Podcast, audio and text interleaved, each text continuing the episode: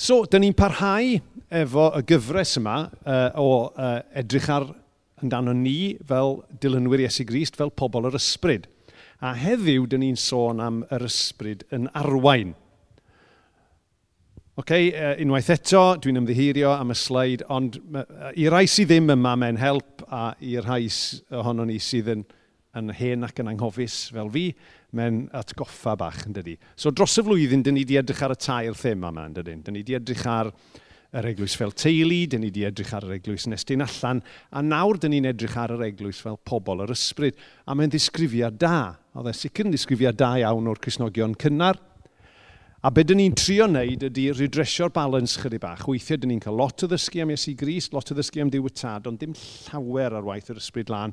A fel dyn ni wedi gweld dros y misoedd dwytha, mae gwaith yr Ysbryd Lan yn allweddol ac yn ganolog i bob dim sydd yn wir yn ein bywydau ni fel Cresnogion. A felly, dyn ni'n edrych ar y gair a dod am profiad ni i fyny gobeithio at beth mae Dyw yn deud yn ei air yn hytrach na tynnu uh, y gwirionedd lawr i'n lefel ni fel petai. A fel dwi'n pwysleisio bob tro, dyn ni gyd wedi cael profiadau gwahanol. Mae yna rhai ohono ni fwy cyfforddus, mae yna rhai o'n wedi cael dysgu mwy, mae yna rhai ni wedi cael dysgu llai, mae yna rhai ohono ni efo barn gwahanol. So mae rhaid ni fod yn amyneddgar gyda'n gilydd wrth i ni feddwl yn llaw diw am hyn. A dyn ni wedi dysgu pethau pwysig, o'n i'n sôn bod yr ysbryd gwaith yr ysbryd lan yn ganolog.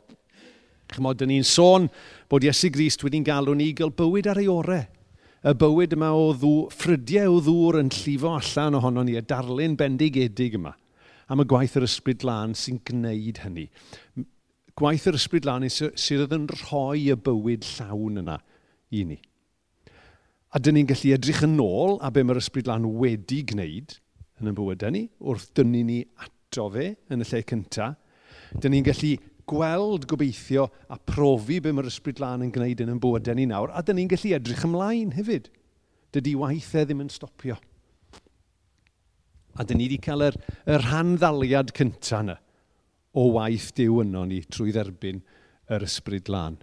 A gwaith yr ysbryd lan ydy gwaith Iesu Grist, gwaith diw y tad. Does na ddim gwahaniaeth, mae'n elfennau gwahanol i'r gwaith yno, ond yr un gwaith ydy e. A mae eisiau parhau i wneud y gwaith yna yn eich bywyd chi ac yn fy mywyd i. A let's face it, os dwi'n siarad dros dyfu fy hun, mae angen e. Dyn ni angen y gwaith yna yn ein bywydau ni. A mae yna effaith i'r gwaith yna. A um, mae'r ysbryd lan yn rhyddhau, mae'r ysbryd lan yn trawsffurfio. A dyn ni really, fel yn gweud, dwi'n ymwybodol iawn, chymod, o'r angen i, i, i, i gael yn rhyddhau, cael yn trawsffurfio. I fyw y math yna o fywyd mae Dyw eisiau i fi fyw. Mae Dyw am i ni fyw bywydau gonest. Mae am i ni fyw bywydau agored. Mae am i ni fyw bywydau buddigol ieithus. Mae eisiau hynny. A mae'n rhoi'r ysbryd lan i ni i'n helpu ni i wneud hynny. A mae'n rhoi'r ysbryd lan i ni i gynnig sicrwydd i ni, i'n cysuro ni, i fod gyda ni, i roi nerth i ni reit ar hyd y lein felly. A wedyn, dro cyn dwytha, wnaethon ni edrych ar y doniau. Okay? y pethau yna falle rhai o'n nhw'n anghyfarwydd falle i rai ohono ni. Ond pethau mae Dyw eisiau rhoi i ni, ddim er mwyn i ni gael rhyw brofiad special, ond er lles pawb arall o fewn yr eglwys at i hwnt ac i adeiladu corff Iesu Grist, corff yr eglwys. A wedyn tro dwytha, fi o'n i'n edrych ar yr ysbryd lan yn yn galluogi ni, yr ysbryd lan yn rhoi nerth i ni. A gethon ni'n atgoffa, a dyn ni yn anghofio un weithiau, mae Dyw yn ddiw y gwirthiau heddiw. Mae Dyw yn ddiw y gwirthiau heddiw. Dydy e ddim wedi newid. Dyn ni wedi edrych yn ôl. Dyn ni wedi dysgu'r straeon pan oedden ni'n blant bach yn A Dyw yn gwneud pethau rhyfeddol. Yr un Dyw ydy e heddiw. A mae medru gwneud pethau rhyfeddol a pethau gwirthiol heddiw. A mae eisiau gwneud y pethau rhyfeddol yna trwy ei ysbryd yno ni. A mae gwirthiau fel yna wedi bod yn rhyw brawf, rhyw reminder bach i ni o sut i'n ydy e. Mae'n gallu'n atgoffa ni o bethau dyn ni'n anghofio. A'i wirthiau fe ydyn nhw. Sym diolch i neb arall. Oedd, oedd gweddi nerys yn arbennig bod yma. Dwi ddim, dwi ddim amdano ni. Mae'n un a'i waith e yno ni. A'r cwestiwn o'n i'n gadael ni efo tro dwytho, ydyn ni'n agored? i ddiw ddangos ei hun a'i nerth yn ein bywydau ni drwy ei ysbryd lan er lles pawb arall, er lles yr eglwys. So tro yma, dyn ni'n sôn am rhywbeth chydig bach o wahanol. Dyn ni'n sôn am yr ysbryd yn arwain. Ac i wneud hynny, dwi am droi at yr er llythyr at y Galatiaid. Yn diwy'n bizar. Ydy e oherwydd bod fi'n right-handed, dwi sort of eisiau driftio yr ochr yma. Ond Just i wneud y gwahan... Dwi'n mynd i sefyll ochr yma i wneud y darlleniad heddiw. Just y gomwr bobl ochr yma ti'n meddwl bod nhw'n cael cam. Oce, okay, so Galatiaid 5, adnodau uh, 16 i 26. Beth dwi'n ei ddeud ydy, y dylech adael i'r ysbryd reoli'ch bywydau chi. Wedyn, fyddwch chi ddim yn gwneud be mae'r chwantau eisiau. Mae ei natur bechadurus ni am i ni wneud drwg yn hollol groes i beth mae'r ysbryd eisiau. Ond mae'r ysbryd yn rhoi'r awydd i ni wneud fel arall, sef y gwrthwyneb i be mae'r natur bechadurus eisiau. Mae brwydir barhaus yn mynd ymlaen, mi glywson ni am hwnna y bore yma ar weddi yn eris ac yn y gair nath i rannu. Mae brwydir barhaus yn mynd ymlaen, allwn chi, ddich, allwch chi ddim dian cragddi. Ond os ydy'r ysbryd yn eich arwain chi, dych chi ddim yn gaeth i'r gyfraith i ddewig bellach. Mae canlyniadau gwrando ar y natur bechadurus yn gwbl amlwg anfoesoldeb rhywiol, meddyliau mochaidd a phenrhyddid llwyr, hefyd a ddoli ddiwiau a diwyniaeth, a phethau fel casineb, ffreio, cenfigen, gwylltio, uchelgais hunanol, rhaniadau, carfannau gwahanol, eiddigeddi, meddwi, partion gwyllt a phechodau tebyg – Dwi'n ei chrybuddio chi eto fel dwi wedi gwneud o'r blaen. Fydd pobl sy'n byw felly ddim yn cael perthyn i dirnas ddiw. Ond dyma'r ffrwyth mae'r ysbryd glân yn ei dyfu yn ein bywydau ni. Cariad, llawenydd, heddwch dofn, amynedd, caredigrwydd, daioni, ffyddlondeb, addfwynder a hunan reolaeth. Does dim cyfraith yn erbyn pethau felly. Mae pobl y Mesoea Iesu wedi lladd y natur bechadurus gyda'i nwydau a'i chwantau drwy hoelio hi ar ei groes. Felly, os ydy'r ysbryd wedi rhoi bywyd i ni, rhaid i ni adael i'r ysbryd ein harwain ni. Os ydy'r ysbryd wedi rhoi bywyd i ni, rhaid i ni adael i'r ysbryd ein harwain ni. Gadewch i ni beidio bod yn falch a phryfocio'n gilydd a bod yn eiddigeddus o'n gilydd. A'r er syniad yna, mae'n ma ymddangos yn chydig bach yn gynt hefyd yn adnod 18 os ni'n gofyn ond y syniad yna yn adnod 28 o gadael i'r ysbryd glân ein harwain ni. So, dyn ni wedi sôn yn do am fywyd yn yr ysbryd, a dyn ni wedi edrych ar y gweddau gwahanol ond fe, yn cynnwys pethefnos yn ôl edrych ar y doniau. Ond mae yna fwy. Mae yna hyd yn oed fwy i ddysgu a mae yna rhai darluniau, dyn ni ddim di edrych arnyn nhw eto. A mi fyddwn ni, dwi'n meddwl bod menna syl nesaf a mari chydig wythnosau wedyn ni, a fi hefyd mewn un oedfa arall, yn mynd i edrych ar rhai o'r darluniau eraill yma sy'n disgrifio sut beth ydy e pan dyn ni yn bobl yr ysbryd. Dyn ni'n cael y darlun hyfryd yna o ffrwythau'r ysbryd. Chymo, cariad, haelioni. Chymo, oedd, oedd y geiriau jyst yn lyflu yn doedden nhw. Chi'n gwybod? Sut dwi eisiau bod? Wel, sy'n licio bod fel yna, sy'n licio bod y pethau yna yn wir yn fy mywyd i, ynddo fe.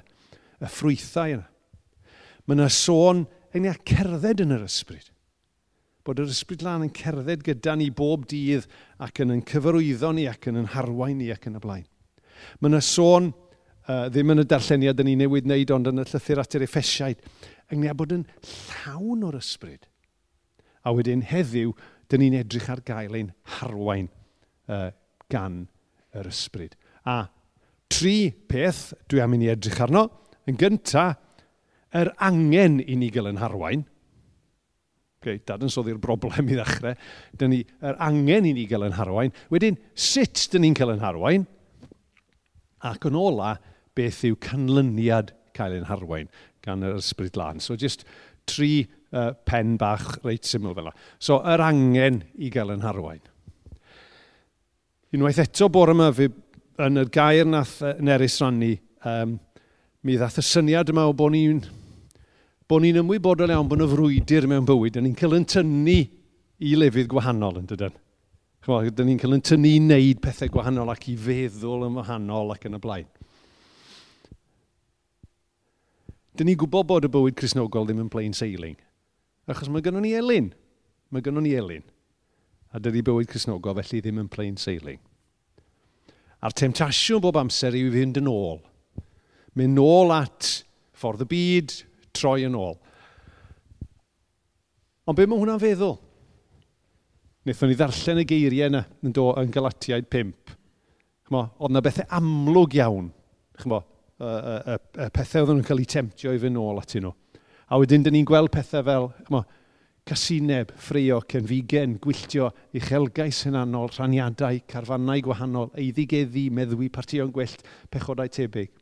Rheina falle'n fythau e weddol amlwg. Ond mae yna y llai amlwg hefyd yn does. A lle bod chi'n cofio yn llyfr y datgyddiad. Yn llyfr y datgyddiad, pa mae y Cris datgyfodedig yn anfon neges at yr saith eglwys, mae un o'n nhw yn mynd i'r eglwys yn lawd Ikea. A be di'r cyhyddiad yn erbyn yr eglwys Laodicea? Maen nhw wedi mynd yn lligoer, tepid, y, na ddŵr horrible di dŵr. Dych chi roi di yfed, chymo, sgynnoch chi mixer taps adre, a dych chi wedi mynd am ddiod o rhywbeth, diod o squash neu diod o ddŵr, a dych chi wedi nghofio bod, chyd, bod y switch yn pwyntio chydig bach at y dŵr cynnes, a dych chi roi y, hen ddŵr fel yna. A mae Iesu Grist yn siarad efo eglwys, a mae'n dweud, Dych chi'n tastio fel yna. Dych chi'n tastio'n lligwyr. Dde. Dwi'n mynd i chwdu chi allan, meddwl. O, ofnadw. A mae'n y berig bod ni'n mynd yn lligwyr. Bod ni ddim yn oer nac yn boeth. Bod ni rhyw rhywsut rhywsut yn dod i ben a o, dia, dir. A di esu ddim eisiau hwnna. A dyn ni'n cael yn temtio i fynd i'r cyfeiriad hynny. A dyn ni'n ni yn ymwybodol, chi'n bod, fedrwn ni siarad efo'n gilydd wedyn, dyn ni yn ymwybodol o'r... Mae bywyd yn gallu bod yn strygl weithiau. Chymod, dyn ni'n cael wythnosau da, dyn ni'n cael dyddiau da. Mae yna bethau mynd yn iawn, ond dyn ni'n baglu. Chymod, dyn ni'n mynd yn falch, neu dyn ni'n mynd yn hunanol, neu dyn ni'n mynd yn flin. Chymod, fan dyn ni wedi blino ac yn y blaen. A mae hwn yn berthnasol i arweiniad yr ysbryd lan, chi'n gweld. Achos, a dwi'n sicr yn siarad na na fi fy hun, mae gen i lot o capacity i gyfiawnhau fy hun pan dwi'n neud pethau'n rong. Okay? Pan dwi'n neud pethau'n rong, gosh dwi'n glyfar am gyfiawnhau bod fi'n neud y peth iawn go iawn. O oh, ie, yeah, ond y reswm nes i wneud hynna oedd, a o mae hyn yn iawn oherwydd, a mae'r meddwl yn medru fod yn beth clyfar iawn yn dydi. Chymo, dyn ni'n medru cyfiawnhau yn hunain. Ond y gwir amdani yw, dyn ni gyd yn ei pethau twp Dyn ni gyd yn gwneud pethau anoeth. Mae hanes yr eglwys yn llawn o benderfyniadau anoeth. Dyna un o'r pethau anodd pan ydych chi'n siarad efo rhywun sydd ddim yn gristion iddo. Na nhw bwyntio, o, chyma, mae'r eglwys di gwneud hyn, a mae'r eglwys di gwneud hyn, a sbiwch horrible oedd yr eglwys i'r bobl yma. A chi'n gwybod be, maen nhw'n iawn, yn dydyn? Dyn nhw'n rong, maen nhw'n iawn. A dyn ni gwybod hefyd bod e'n wir amdano ni dyn ni ddim yn rhydd o hynny, dyn ni ddim wedi cyrraedd rhyw lefel lle dyn ni'n medru edrych yn o, ie, diwna ddim yn wir amdano ni nawr. Achos dyn ni'n medru bod yr un peth. Chyma? A fel ni'n gweud, dwi'n gyfarwydd iawn a fy ngapasiti i gyfiawnhau be dwi eisiau. Chyma? Dych chi'n lli rationalisio'r peth yn dyrach. Dych chi'n lli gweud, o ie, wel, mae'n iawn i fi gael fy ffordd tro yma oherwydd peth ar peth a peth ar peth a peth ar peth. A dyn ni'n i wneud e yn gyson, dwi'n ei wneud e yn, yn rhy aml gofynnwch wrth yn heili, neu falle ddim, os nad ydych chi eisiau cael eich disgyrrisio'n llwyr felly, amdanau. Ac yn erbyn y darlun yma, chi'n gweld, mae'r darlun a'r ddelwedd yma o'r ysbryd glân yn yn harwain ni'n ddeniadol iawn yn dyni. Mae'r darlun yma bod yna rhywun doethach na ni a cryfach na ni gyda ni bob amser yn ddeniadol. So dewch i ni ddysgu am hynny, a dewch i ni ddysgu be mae hwnna'n feddwl. Nawr en pam welsoch chi'r teitl yr ysbryd glân yn arwain, am be wnaethoch chi feddwl? Gewch chi weiddi atebion allan os ydych chi eisiau, ond na i ddeud, chymo, os dwi'n onest a meddwl am arweiniad diw ac arweiniad yr ysbryd glân, dwi probably meddwl am sgwennu'n ymddangos ar y wal. Neu rhywbeth yn yn taro fy meddwl i mewn ffordd dramatic iawn, iawn, iawn. A mae'n medru bod. Mae gen i gof o, o rhys yn rhannu am ryw achlysur lle nath e jyst clywed llais yn deud stop. Dwi wedi clywed, lle, gewch chi ofyn i rhys am y, am y, am y stori. Mae'n medru bod yn oriwch naturiol. Ond dwi e ddim o reidrwydd yn taro ni fel yna, yn yr un ffordd. Dwi e ddim o reidrwydd fel yna. Cofiwch beth ddwedodd Iesu Grist am waith yr ysbryd lan. Beth ddwedodd e? Bydd e'n dysgu popeth i chi ac yn eich atgoffa o bopeth dwi wedi ei ddeud. Ac yn eich atgoffa o bopeth dwi wedi wneud, wedi ei ddweud. So, yn atgoffa ar disgyblion o eiriau Iesu Grist. Atgoffa'r disgyblion o beth sydd yng Ngair Dyw.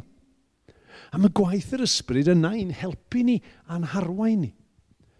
Mae Iesu Grist wedi mynd i'r nefoedd nawr, mae di, mae di dyrchafu, mae di mynd i'r nefoedd. A nath e ddeud, mae'n beth da mod i'n mynd, achos, achos mod i'n mynd, mae'r ysbryd lan yn gallu dod ato chi. I'n helpu ni, i'n harwain ni. Gryndewch ar y geiriau yma o rhifeiniaid uh, penod 8, adnodau, mi air ochr yma, yma uh, Rufiniad penod 8, uh, uh, adnodau 26 i 27. A gwrandwch ar be mae hwn yn deud ynglyn â sy'n my'r ysbryd lan yn ynghelpu ni ac yn gweithio yn ni. Ac mae'r ysbryd yn helpu ni hefyd yn ein cyflwr gwan presennol. Mae hwnna'n lyflu, yn dydy? Yn ein cyflwr gwan presennol, mae'n yn helpu ni. Wyddon ni ddim yn iawn beth i weddio, a mae hynny medru digwydd, yn dydy? Ond mae'r ysbryd ei hun yn gofyn ar ein rhan ni. Mae yntau'n griddfan. Dydy geiriau ddim yn ddigon. Ond mae Dyw yn gwybod beth sydd yng nghalon pawb, ac mae'n gwybod beth ydy bwriad yr ysbryd. Mae'r ysbryd yn gofyn i ddiw am y pethau mae Dyw yn awyddus i'w roi i'w blant. Y peth gorau chi'n gweld i chi a fi ydy be mae Dyw eisiau roi i ni. Ddim beth ni eisiau, y peth gorau i ni ydy be mae Dyw eisiau roi i ni. Achos fe sy'n gwybod orau, mae'n gwybod lot y well na ni. A wedi weithiau, dyn ni'n gweddio am y peth rong. A felly, mae'r ysbryd yn yn helpu ni i weddio am y peth iawn. Mae hwnna werthfawr iawn. A be mae'r arwain yn golygu? Be mae actually'n golygu? Mae'n arwain fel mae Iesu'n arwain. Sut oedd Iesu'n arwain? Yn ofalus, yn dyner, yn gariadus, a felly mae'r ysbryd yn arwain. O beth yw'r mechanics ar gyfer gwneud hynny? Sut mae actually'n gweithio? Dwi wedi sôn am un yn barod, mae'n defnyddio'r gair. Mae'n atgoffa ni ynglyn â pethau mae Dyw wedi deud yn barod. Faint o'n ni sydd wedi cael y profiad yna? O rhyw adnod yn rydw i meddwl ni. Yr ysbryd lan yn dod â adnod i'n meddwl ni, i'n atgoffa ni ynglyn â rhywbeth. Rhaid ni, a, chymo, rhaid ni byd o gwe, o ie, diwna ddim yr un peth a sgwennu ar y wal. Wrth gwrs i fod e, mae'n dod gan ddiw. Mae'n allweddol. Mae'n yn atgoffa ni yn gwasgu'r i wirionedd ar yn calon ni. Gweddi. Cadw'n agos at ddiw. Well i fi esbonio'r um, er, er reference radio analog. Okay? Dwi'n old school, okay? Okay, dwylo i fyny pwy sy'n cofio radio pan byddwch chi'n tiwnio fewn a byddwch chi'n... a wedyn oedd y llais yn dod. OK, dwylo i fyny pwy sy'n well gen nhw analog na digital. Chos efo digital, mae'n eillai on neu dia ddim. Yn dydi? Mae'n eillai on gant y cant neu off gant y cant. Wel, efo analog, oeddech chi just about yn lli... Chymo, gwrando y chat show ar no seal neu rhywbeth fel hyn. Chymo, chi just about yn ffeindio allan be oedd number one. Abba, Waterloo. Oh, iawn, gret. Chi'n gwybod? Weithiau mae gwrando ar arweiniad diw trwy ei ysbryd fatha radio analog. Mae yna cracl yna. Mae yna sŵn yna. Dyn ni ddim yn hollol, hollol siŵr, ond dyn ni'n meddwl falle bod ni'n gallu tiwnio'n hunain i fewn o bod ni'n gallu clywed llais diw.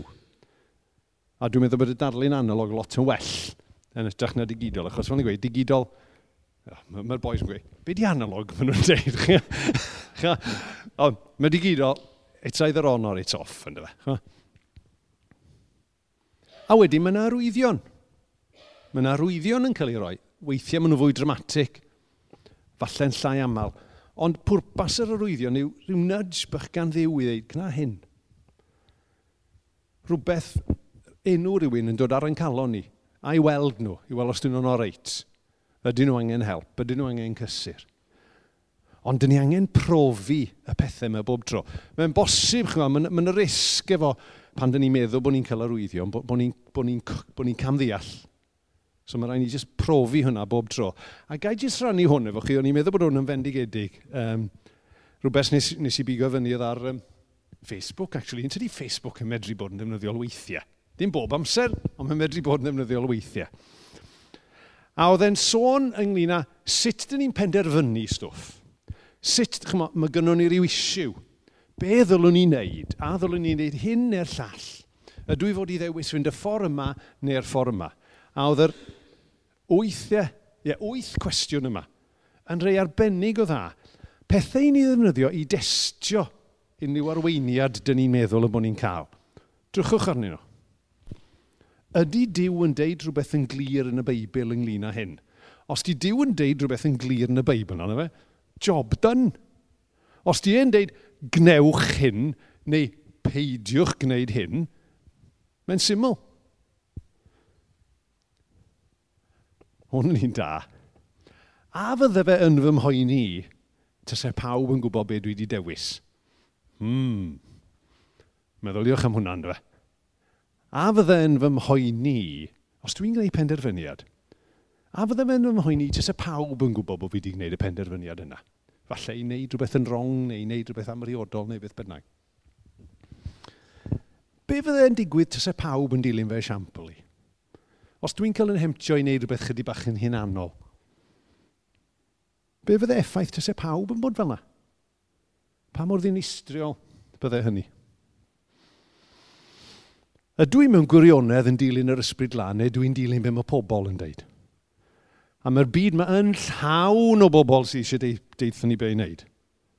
Llawn o bobl sydd eisiau deithio ni be i wneud. Ydy be dwi'n ystyried wneud yn mynd i achosi rhywun arall i fanglu? Ydy am ni fod yn rwystyr? Ydy am ni greu problem i rywun arall os dwi'n gwneud y peth ar peth? Ydw i wedi gweddio amdano fe? ydw i'n cael heddwch yn dano fe? Chos os da ni'n blant i ddew a da ni'n meddwl neu rhywbeth sydd ddim yn iawn, gawn ni ddim heddwch. Wneith diw ddim gandol llonydd i ni, achos bydd e ddim yn gorffwys yn esmwyth. Fyddwn ni ddim yn teimlo heddwch amdano fe. Ydy'r peth dwi'n ystyried wneud yn mynd i helpu fi i dyfu gyda Christ? Cwestiwn da. Ydy'r peth dwi'n mynd i wneud yn mynd i helpu fi i dyfu gyda Christ? A'r cwestiwn ola, ydy'r peth dwi'n ystyried wneud yn gogoneddi diw neu di'n tynnu sylw ato fi? Cwestiynau da. Ddim ywreiddio gen i rhywun roi roi ar Facebook, ond i'n meddwl bod nhw'n arbennig. Ond chi'n gweld, pan dyn ni'n meddwl bod ni'n cael arweiniad i wneud rhywbeth, dyma'r math o bethau ddylen ni edrych arno, jyst i testio fe. Checio allan, ydy hwn o ddiw? Sgwni os ydy o ddiw? Os di'r atebion yn iawn i'r cwestiwn yna, mae'n y siawns i fod e. A mae werth checio fo rhywun arall hefyd. Siarad efo rhywun. Dwi'n meddwl bod Dyw yn deithio fi am wneud hyn, sy'n mewn hwnna'n swnio i ti. Gofyn i rhywun. Dod â rhywun arall i fewn i'r sefyllfa fel yna. Achos, chi'n gweld, er syniad yma o bobl sy'n cael ei arwain gan ysbryd diw, os ydy hwnna'n wir amdano ni, mae yna ganlyniadau iddo fe dyn ni wedi cael y darluniau mewn dydyn ni ynglyn â'r bywydau cyflawn yma, y bywydau a ffrydiau o ddŵr bywiol yn llifo allan ohono ni. Eto, allan o lyfr mae'r ein wedi dod, so no original thought o gwbl, maen nhw'n dod straight allan o lyfr, ond oedd e'n lyfr da. So, os gen i'n problem o gwbl efo dwy'n, uh, neu benthyg, neu cymwyso, ond mae'r ein yn arbennig o dda. Os dyn ni'n cael yn harwain gan yr ysbryd, dyn ni'n rhydd. Dyn ni ddim yn cael yn cael thiwo yn foesol nac yn ysbrydol, os dyn ni'n cael yn harwain gan ysbryd diw. Os dyn ni'n cael yn harwain gan ysbryd diw, dyn ni ddim yn licio pethau'r cnawd. Dyn ni ddim eisiau mynd nôl i'r pethau yna oedd yn arfer bod yn bwysig i ni. Dyn ni'n gweld bod nhw'n wrong a dyn ni'n deud wrthyn ni'n pam byddwn ni eisiau mynd nôl at hynna? Pam byddwn ni eisiau byw fel na eto? pa mae'r bywyd sydd gen i gymaint yn well. Os dyn ni'n cael yn harwain gan yr ysbryd, dyn ni'n caru'r arglwydd a dyn ni'n caru aire. Mae eiriau fe'n werthfawr i ni. Dyn ni'n gwrando ar ddarlleniad, dyn ni'n gweld geiriau ar y sgrin, dyn ni'n gwrando ar darllen y Beibl yn hunain, a dyn ni, o, oh, mae hwn yn dda. Achos mae'n siarad efo fi ac mae'n deud rhywbeth wrtho fi ynglyn â'r pethau dwi angen clywed ffrwythau'r ysbryd yn amlwg y mywydau rhai sy'n cael ei harwain a fyddwn ni, edrych ar ffrwythau'r ysbryd mewn rhyw wythnos neu ddau. Os dyn ni'n cael yn harwain gan ysbryd diw, mae'n haws dod i bresenoldeb diw. Dyn ni'n gallu camu fewn i'w bresenoldeb e, achos bod ni'n cael yn harwain ganddo fe. Achos pan dyn ni'n cael yn harwain ganddo fe, dyn ni'n ymwybodol ohono fe. Pan dyn ni'n cael yn harwain ganddo fe, dyn ni'n ymwybodol o'i waith e a'r ffaith i fod e'n yn gwahodd ni, ddim bod ni'n rhyw stwffio fewn i'w bresenoldeb e, er gweitha beth sy'n bod yno ni. Pan mae'r ysbryd lan yn yn arwain ni, mae'n rhoi sicrwydd i ni. Just y tawelwch yna. Ti'n blentyn i ddiw. Mae gwaith diw yn real yn dy fywyd di. Os dyn ni'n cael yn harwain gan yr ysbryd lan, mae'n tystiolaeth ni'n gadarn ac yn effeithiol A dwi'n mynd gallu sefyll o'ch blaen chi bore yma a deud bod yn, yn, yn ystiolaeth i'n gadarn ac yn effeithiol, a mae gynnon ni gyd le i wella. Ond un ffordd o gael y gwelliant yna yw bod ni'n caniatau'r ysbryd yn harwain ni. Ac os di'r ysbryd yn yn harwain ni, fe fydd yn bywydau ni yn gogoneddi diw, achos fyddwn ni'n dilyn be mae diw i hun yn ei ysbryd yn deud wrthyn ni am wneud, a be mae'n rhoi'r nerth i ni fedru ei wneud e. So, dwi'n meddwl bod ni'n gallu gweld yn glir bod arweiniad yr ysbryd lan yn werthfawr ac yn allweddol i bob un ohono ni. Mae'n werthfawr ac yn allweddol. Dyn ni angen yn harwen achos bod ni'n gwneud cangymeriadau. Dyn ni angen yn harwen achos yn bod ni'n baglu, achos yn bod ni'n methu. Sut dyn ni'n cael yn harwain? Dyn ni'n cael ei arwain trwy ei aire. Dyn ni'n cael yn harwain trwy weddio. Dyn ni'n cael yn harwain trwy arwyddion er bod angen profi rheini. Just i jecio bod nhw'n dod gan ddiw. A mae'r canlyniadau yn wych, achos y canlyniad ydy'r math o fywyd mae eisiau ni fyw, y bywyd llawn yna. Y cwestiwn yw sut? Be dyn ni'n neud? Achos, os wnaeth, chymo, cael yn harwain gan yr ysbryd lan. Ydyn ni'n dweud. So, passive test, tense di, dwi'n meddwl, ie? Yeah? Hynny yw, mae'n rhywbeth sy'n digwydd i ni. Yr ysbryd lan sydd yn arwain, so be dwi gorfod wneud? Be dwi actually gorfod wneud? A be dwi gorfod wneud, di gofyn fe. O'n i'n gwrando ar bregaeth ar, y, ar y we ar, ar y mater. A oedd um, rhywun yn sôn am y darlun fel hyn. Uh, chymod y cychod mawr yma. Chymod y cychod mawr, maen nhw'n hwylio draws y moroedd mawr yn dydyn. A wedyn maen nhw'n dod i fewn i ryw borthladd. A neu maen nhw'n dod i'r... Maen nhw'n gorfod mynd lawr i'w afon. A be maen nhw'n neud? Maen nhw'n gorfod cael peilot arno. Peilot sydd yn nabod yr ardal leol. Peilot sydd yn gwybod lle mae'r tywod a lle mae'r creigiau di cuddio ac yn y blaen. A be mae captain y llong yn gorfod wneud ar y pwynt yna, ydy deud, ddeith y peilot ar y cwch, please, i ddangos i fi lle mae e. Ddeith y peilot ar y cwch i helpu fi i ddeud, paid yn mynd fel yna. Fel un y rhaid i fynd. A mae rhaid i ni wneud yn union fe mae captain llong yn wneud ar y pwynt yna. Dim gollwng gafel, mae'n dal i ddal yr O'n i'n mynd i ddweud steering wheel, ond sgan, steering, sgan cychod dim steering wheels nawr. Beth bynnag mae sgan gychod. Yn yr hen ffilms, oedd yna'n bethau mawr pren yn doedden. Ond newn ni fynd efo'r darlun yna, yr un bethau mawr pren yna. Dyma yn gollwng gafel. Mae'n dalu afel yn yr olwyn, ond mae'r peilot yn gweud na, na, i'r chwith. Mae yna gerig yma. Neu i'r dde, mae yna sandbank yma yna, so i di'n sownd yma yna. So be mae'r captain wneud i gwahodd y peilot on board? A dyna beth ni angen wneud. Gwahodd yr ysbryd lan i fewn i'n bywyd ni, i'n harwain ni. Gosod yn hunain yn ei ddwylo fe, a'i wahodd e i'n harwain ni. A dyna fraint ydy hynny. Dewch yn ei weddio. O ddiwy'n tad yn ni, diolch i ti dy fod ti wedi'n caru ni gymaint, bod ti wedi marw drosto ni. Dy fod ti'n cynnig bywyd i ni, a diolch i ti, ti ddim jyst yn gadael ni fyna chwaith arglwydd rwy ti yn, yn wedi'r anfon yr ysbryd lan i ni. I'n harwain ni a i'n tywys ni. I ddangos i ni pa ffordd i fynd ac i'n helpu ni gymryd y ffordd yna. O arglwydd, helpa ni sylweddoli gymaint dyn ni angen hynny. Helpa ni sylweddoli sut wyt ti'n harwain ni. Helpa ni sylweddoli pa mor bwysig ydy e a pa mor braf ydy e os wnawn ni wrando ar yr unrhyw ti'n deud yn dy ysbryd. A'r glwyddyn gweddio nawr dros bawb sydd yma a pobl sydd adre hefyd. Pethau gwahanol yn pwyso arno ni gyd.